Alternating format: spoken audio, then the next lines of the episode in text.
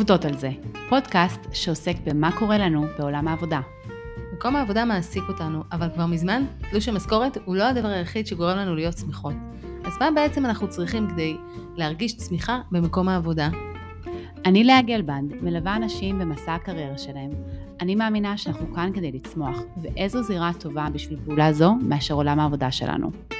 אני אפרת גבעתי, מאוהבת בארגונים ובסיפורי תעסוקה, חוקרת את התחום ומה קורה כשאדם פוגש ארגון וארגון פוגש אדם. מודעות, בחירה ותעוזה, אלו הדברים שיצרו מחדש את עולם העבודה של מחר. מזמינות אתכם לקחת את המושכות לידיים ולחשוב איתנו ביחד על עולם עבודה משמעותי ומאוזן יותר. אנחנו בתהליך של חיפוש. ואנחנו עובדות על זה.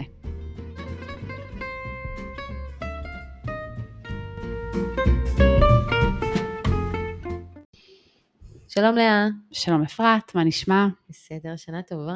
שנה טובה, שנה טובה. אז אני חייבת להגיד לך שבימים האחרונים אני מסתובבת עם המילה פערים בראש, והיה לי ממש חשוב שאנחנו נדבר על זה פה, אני ואת ביחד.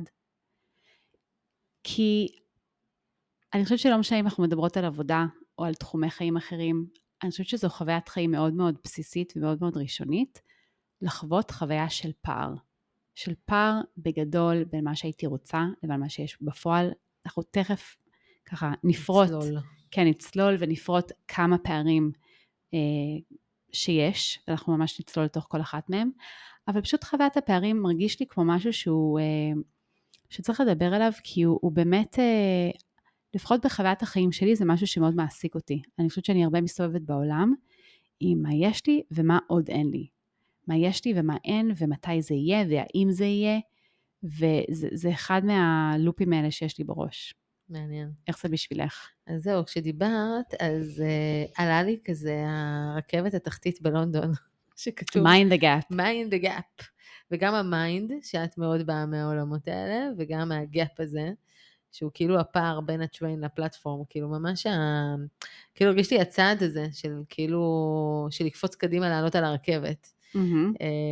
אז אה, ולדלג על הפער. כן, וכאילו לקפוץ. עם המונח כאילו... הזה, כן, כן, בדימוי הזה. וכזה החזיר אותי בדוקטורט, היה משפט מאוד, אה, במחקר שאני עושה, משפט שמישהי מאוד, אה, שנחרט בי חזק, שזה לעבור, או להתפטר, או לעבור מעבודה לעבודה, זה כאילו כל לקפוץ מהר אחד, ואז להרים את הרגל האחת, אבל עד שאת לא מרימה את הרגל השנייה, את לא באמת עשית את הצעד. זאת אומרת, הרבה זמן היא הייתה עם רגל אחת באוויר, אז ככה, כשדיברת, עלה לי מאוד חזק הדימוי הזה. יפה. לי יש דימוי שאני משתמשת בו בקליניקה עם אנשים. אני מדמיינת uh, קופים בג'ונגל, ואני מדמיינת קוף שהוא כזה נאחז בחבל סלאש, אה, את יודעת, uh, מין... כן. זה של טרזן, כן, האלה. כי בדיוק, אלה של טרזן בדיוק, אני כאילו, מה זה? זה לא, זה לא ענף, זה לא, אבל anyway, הבנת. אז, um, אז, אז הקוף הוא בעצם תלוי על, ה, על החבל הזה, והוא עושה איזשהו מהלך, ואז כשהמהלך הזה מסתיים, נכון, הסווינג הזה, איך אומרים? כן, זה שאתה הנדנוד חזרה. הזה, כן, כן, מסתיים, אז מה קורה? כי אם הוא פשוט עוזב את החבל, הוא יכול ליפול, ואז הוא פתאום מוצא את עצמו על הקרקע. האם הוא יכול תוך כדי הנדנוד הזה לתפוס את החבל הבא? קופים באמת יודעים לעשות את זה. אבל כן, הזמנים האלה בחיים שבהם אנחנו כאילו, תלויים מרפים. כן. ו- ולפעמים נופ- נופלים, ואנחנו נמצאים במקום של, אה, אני לא יודעת אם זה פער, אבל הרבה פעמים זה אי עשייה והבנה של כאילו איך אני בעצם נאחזת בדבר הבא. אמ, כן, אז אה, גם מזכיר את הדימוי הזה של אה, קריירה כקיר טיפוס, ולא כסולם. בדיוק, כן. בדיוק, בדיוק.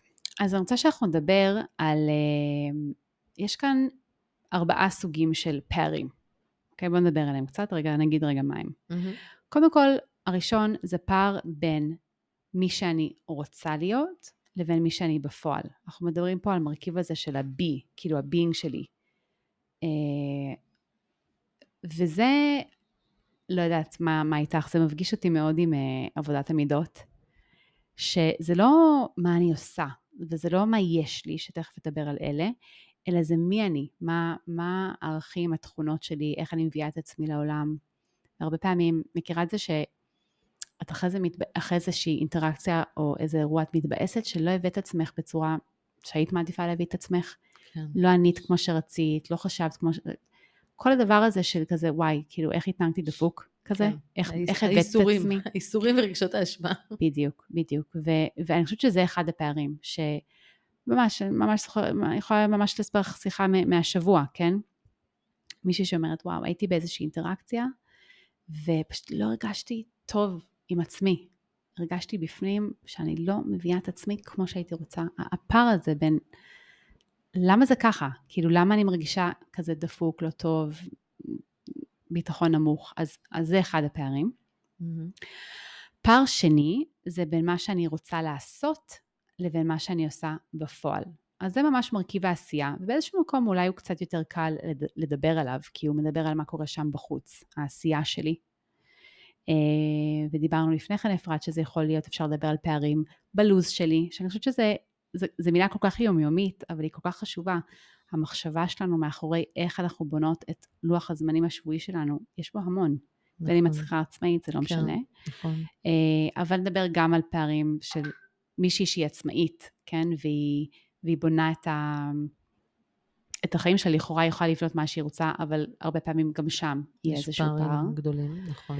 אה, ובכלל, איך שאנחנו מנהלות את עצמנו, אה, סיפרתי לך לפני כן על אה, ערב ראש השנה, שפשוט הגעתי עם הלשון בחוץ בדקה לא ה-99, אלא בוא נגיד ה-120, ובאמת, באמת פער בין איך שמבחינתי ראוי לעשות דברים, ו- ובין באמת הרגע האחרון האחרון ש- שעשיתי את זה, והפער הזה בין כאילו איך הבאתי את עצמי ככה, איך, איך כן. לא פעלתי אחרת, איך, איך הייתי, איך גם איך קראת לי הייתי- לולואיסטית? לולואיסטית לגמרי. איך הייתי לולואיסטית, שזה כאילו לה לה לה-לה לנד. כן, זה.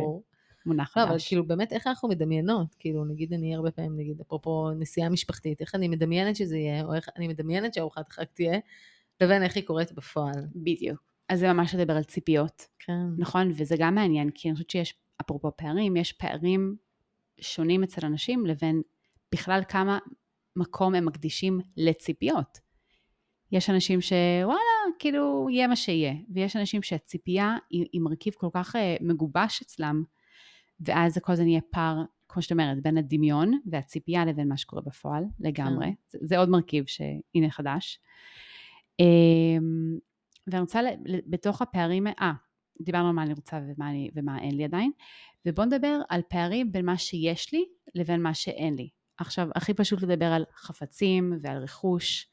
אמ, את יודעת, בית משופץ, אוטו חדש, סתם דוגמאות לא קשורות, לא קשורות. אליי, כן.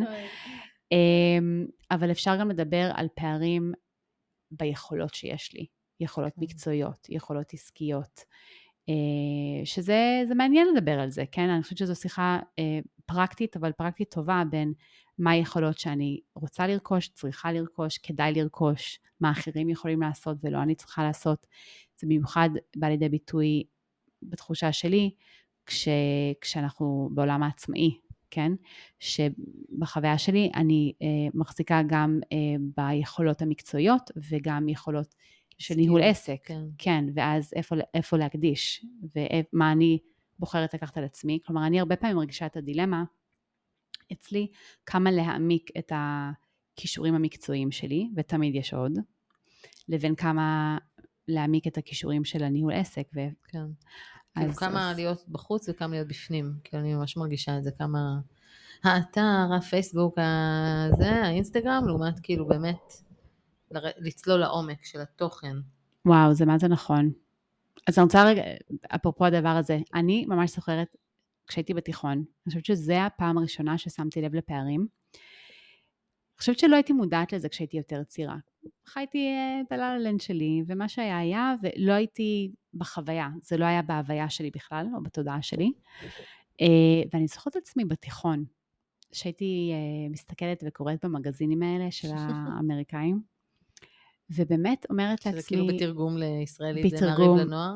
כן, בסגנון הזה, אוקיי, וגם בתרגום להיום זה מרגיש לי כמו להסתכל באינסטגרם, אוקיי. כן, ו- ו- ואני מסתכלת ואני כזה, וואו, איך הכל נראה שם מושלם ויפה וצבעוני ומעוקצב ומדויק, ו- ו- ובחוויה שלי של, גם עכשיו, כן, אבל מתבגרת צעירה שכזה, את יודעת, לא הכל יושב נכון ומאוד נכון, כאילו בגוף ובחוויה וברגש, מסתכלת על זה ומרגישה שיש שם איזשהו, איזשהו אה, משהו לשאוף אליו. עכשיו, ידעתי שזה לא נכון וזה לא אמיתי, וזה פוטושופ גם בשנות ה-90, הבנתי את זה, ועדיין משהו כזה ב, ב, בתמונה הפלקטית הזו, הרגיש לי כמו משהו שהייתי רוצה. מתוך ידיעה גם שזה אף פעם לא יקרה. אבל זה יצר סוג של, אולי זו ההתחלה של הפערים האלה שהרגשתי. כן, זה מבנה לנו את המציאות. זה הזכיר לי טיול שעשינו עם הילדים באיקאה. ואז כל ילד רוצה משהו, כזה יהיה לי בחדר, כזה יהיה לי בחדר, ואז כזה אמרנו להם, רגע, מה שאתם רואים באיקאה, זה לא נראה ככה אחרי זה, כשמביאים את זה באמת באמת למציאות, לחדר, זה לא באמת נראה ככה. וזה בדיוק זה, הפער בין הציפיות, לא איך שאנחנו מדמיינים את זה, או איך שאנחנו רואים את זה על הקולב, לבין איך שזה באמת נראה עלינו. ממש, ואפילו נגיד לבית. נגיד היום יצאתי הבוקר לעבוד בספרייה, כי פשוט הבית בלתי נסבל. הפער בין מה שהייתי רוצה שהוא יהיה, לבין איך שהוא נראה היום בפועל, זה בלתי כן. נסבל. וכמה עבודה זה כל הזמן להדביק את הפער, וגם, וגם תוך רגע הפער הזה קורס. חוזר לעצמו. כן, חוזר, הוא לא, הוא לא נש... כן, נכון. ולחיות כל הזמן עם, ה- עם הבלגן, עם המס, עם הלא מושלם הזה. אמ, זה, אני... טוב, רציתי להגיד משהו על אה, ארגון, כשארגון בעצם אה, מנסה נגיד לצמצם את הפער, כאילו באמת, כארגון מה אני רוצה להיות, לאן אני רוצה להגיע, והרבה פעמים זה בא לידי ביטוי בתוכניות עבודה, שעכשיו אנחנו בדיוק נכנסים לתקופה הזאת של, אם אנחנו עכשיו בספטמבר, אז עד דצמבר, כולם כותבים תוכניות עבודה ותקציבים, ו, וכאילו מה לא עשיתי ומה אני רוצה להיות שנה הבאה. אמ, וגם זה תמיד מין שיחה מתסכלת כזאת, כי זה עוד פעם החשבון נפש הזה, ועוד פעם הציפיות שלא התממשו, ו, וכאילו באמת צריך למצוא לזה פתרון, שזה אחד הדברים, כמה דברים שאנחנו יכולות לדבר עליהם היום. אבל כאילו באמת כארגון, איפה אני רוצה להיות, ומה לא הספקתי, ומה לא, אני לא, כאילו גם להודות במה אני לא, כן? אני לא בן אדם שהבית שלו כנראה יהיה כל הזמן מסודר, אז גם הציפייה הארגונית להיות משהו שאני לא, הוא, הוא גם עוד פעם משאיר אותנו בפער. נכון, וזה חוזר למשהו סביב הפתרונות של מה אני בעצם אמורה לעשות עם זה. האם אני אמורה להחזיק את הציפיות הגבוהות ואת הרצונות הגבוהים, וכל הזמן להיות בעבודה מאוד אינטנסיבית כדי להדביק את הפער? תחשבי על אנשים, עכשיו אני 50% שם ו-50% ממש לא שם, אבל תחשבי על האנשים, אולי נשים, שכל הזמן בניקיון של הבית, כל הזמן, כל הזמן, כל הזמן, כל הזמן. זו, עבודה סיזיפית בטירוף של הטירוף, כן? אז זו דוגמה כאילו קטנה מהיום-יום, אבל אני חושבת שהדבר הזה מאוד מעמיס על, על הרבה מאיתנו, שיש לנו משפחות. כן. אמ, אז האם אנחנו כל הזמן בסיזיפיות הזו, ממש סיזיפוס, או אנחנו, או מה, מה עוד אפשר לעשות?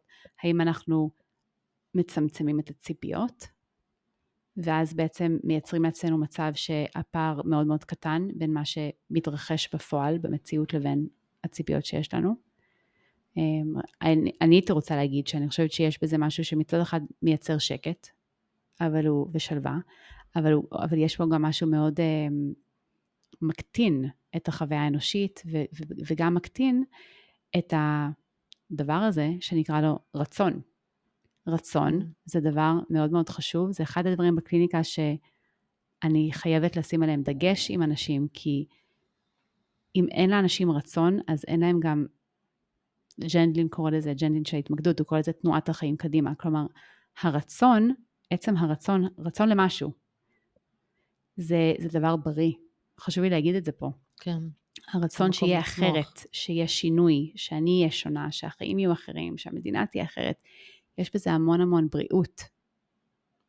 כן, זה, זה, זה כאילו להדביק את הפער, זאת אומרת להגיד, אני לא אהיה left out, כאילו אני אהיה בתוך הרכבת הזאת, כאילו אני... זה לפני להדביק את הפער, איתה. זה עצם זה שיש לי רצון. כלומר, התחלנו בזה שדיברנו על, ה, על הכאב שבפערים. ואני אומרת, רגע, עצם זה שיש לי רצון למשהו שהוא עדיין לא במימוש שלי, זה דבר סופר בריא. כי זה אומר שיש לי... שוב, זה החשק לחיים, זה החשק כן. לצמיחה, זה החשק ל- ללמידה. נכון, אבל אני חושבת כל הזמן על ה-quiet quitting, על התופעה הזאת שאנשים כאילו מנמיכים, אומרים אני אעבוד שמונה עד חמש ואני לא, לא אצא מנחר צהריים, אני אעשה את מה שצריך ממני בעולם העבודה ואני אלך שוב ממקום של שחיקה ועומס.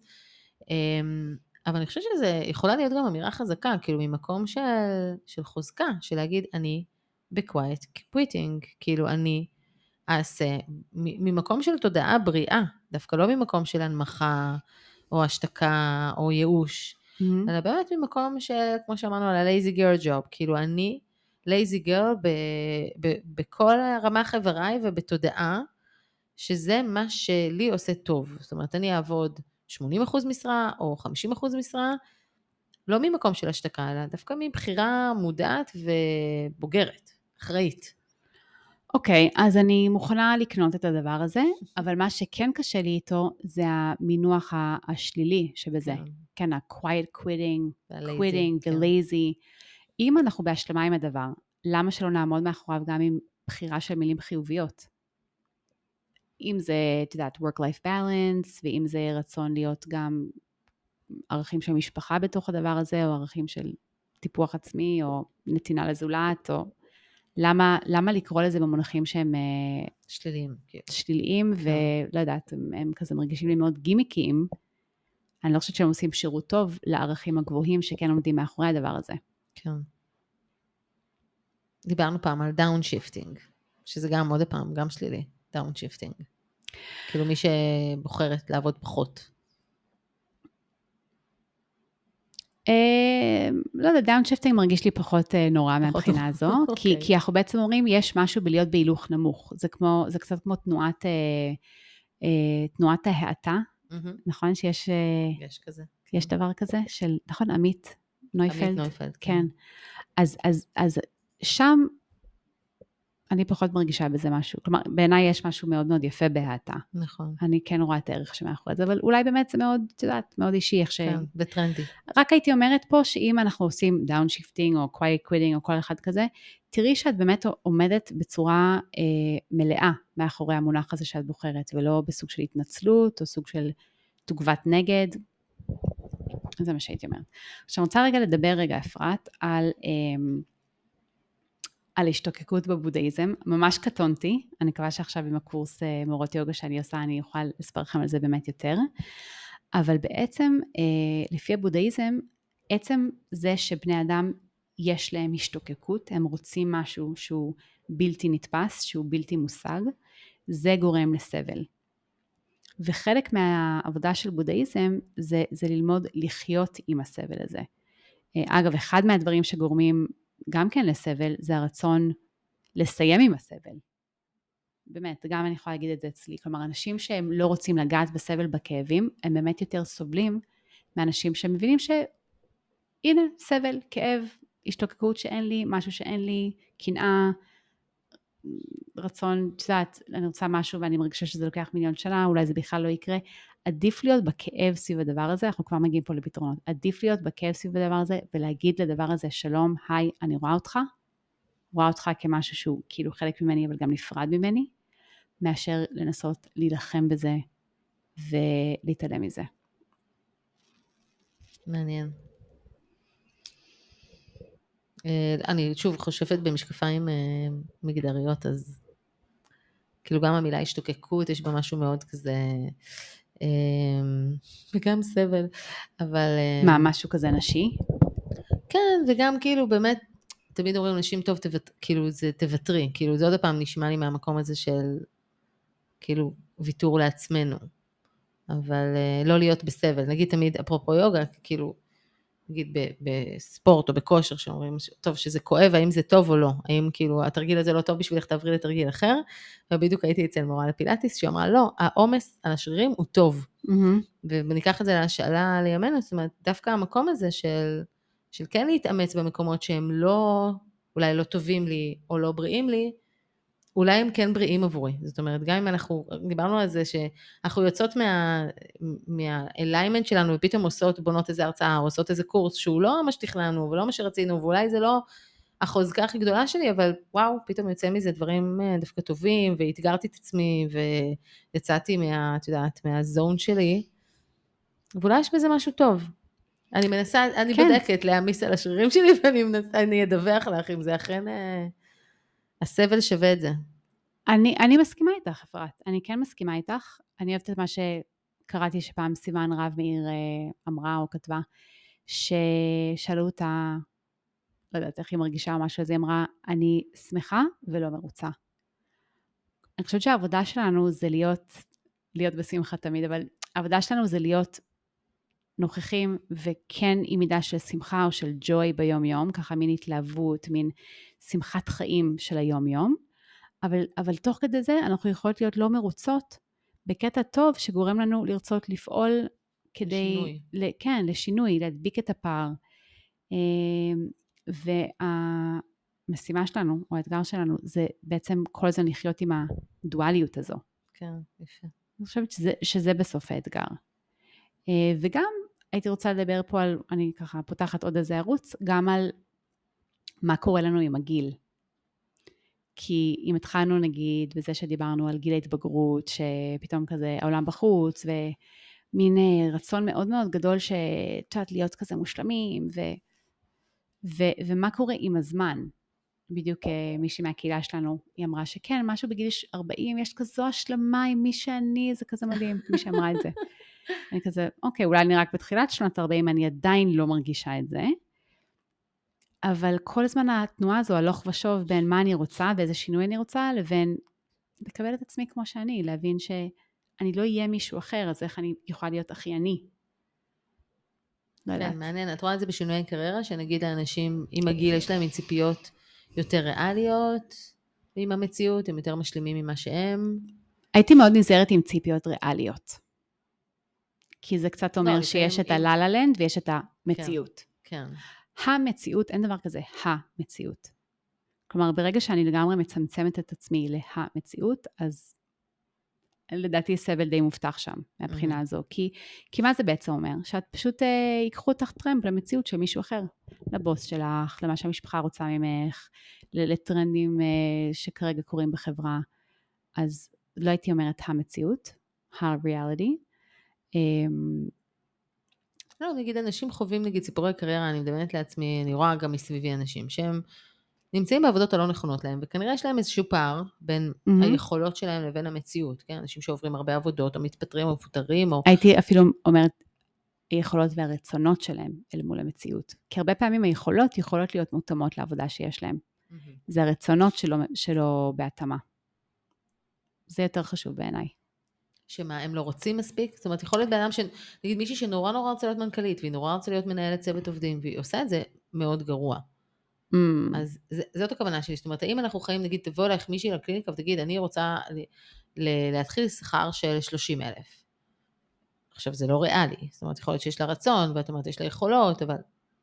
זאת אומרת, זה, זה הפער, אני מתכוון, שאנשים, האם בגיל יותר מבוגר, כמו שאמרת, העולם, אני מבינה יותר איך העולם עובד, אני מכירה יותר את היכולות שלי, יש לי ניסיון כבר בתוך עולם העבודה, ואז אני לא מנמיכה, אבל אני באמת יותר ריאלית, אני אתמודד על תפקידים שהם למידת, למידותיי. תראי, יש בסוף מפגש עם המציאות, אבל לכן מאוד מאוד חשוב להקדיש זמן לבנות את התמונה הפנימית של החזון שאני הייתי רוצה. כי בסוף עם המפגש עם המציאות באמת תהיה, יהיו אלמנטים של פשרה. יהיו אלמנטים של פשרה, אפילו רק מהסיבה שהכי חשוב להיות בתנועה ולפגוש את העולם תוך כדי תנועה, מאשר לחכות עד שהדבר הזה יגיע. אגב, זה נכון גם לדעתי לכל מי שמחפש זוגיות, שהרבה פעמים יצא לי כבר לפגוש אנשים שאומרים, כן, אני רוצה, את יודעת, אביר על הסוס הלבן, בבית עם הגדר ו- ושלושה ילדים מושלמים, ואז הם פשוט לא כן. רואים את המציאות. כן, הם לא רואים את המציאות, הם לא רואים את האנשים שאולי הם גרושים, אולי הם אלמנים, והם נמצאים שם מתחת לאף, והם יכולים להיות פרטנרים מצו... מצוינים. אז עצם המפגש עם המציאות הלא מושלמת, היא מייצרת תנועה, ותנועה מייצרת בעיניי שמחה. אז זה טוב. אמ, אני חושבת שבסוף אנשים כן מתפשרים, אבל חשוב שהם יתפשרו על הדבר שהם רוצים להתפשר. ולא לא על מה שמבקשים מהם להתפשר עליו. ויש כל כך הרבה הפתעות, באמת, אפרת, יש כל כך הרבה הפתעות.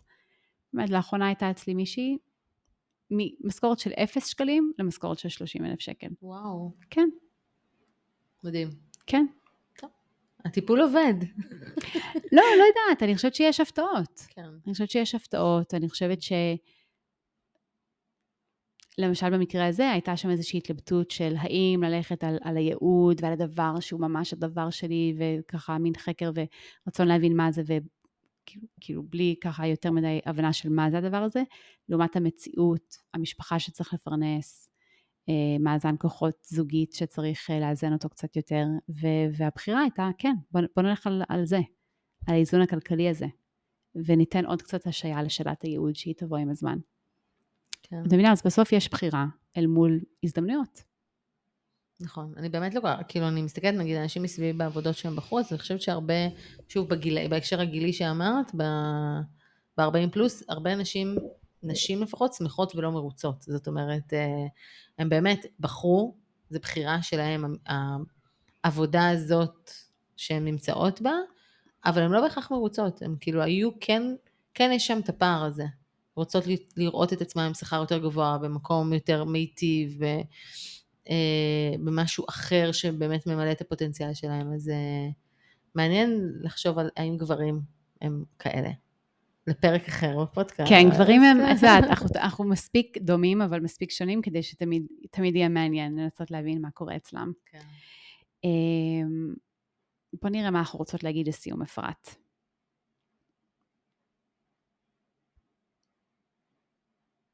אני רוצה להגיד משהו על...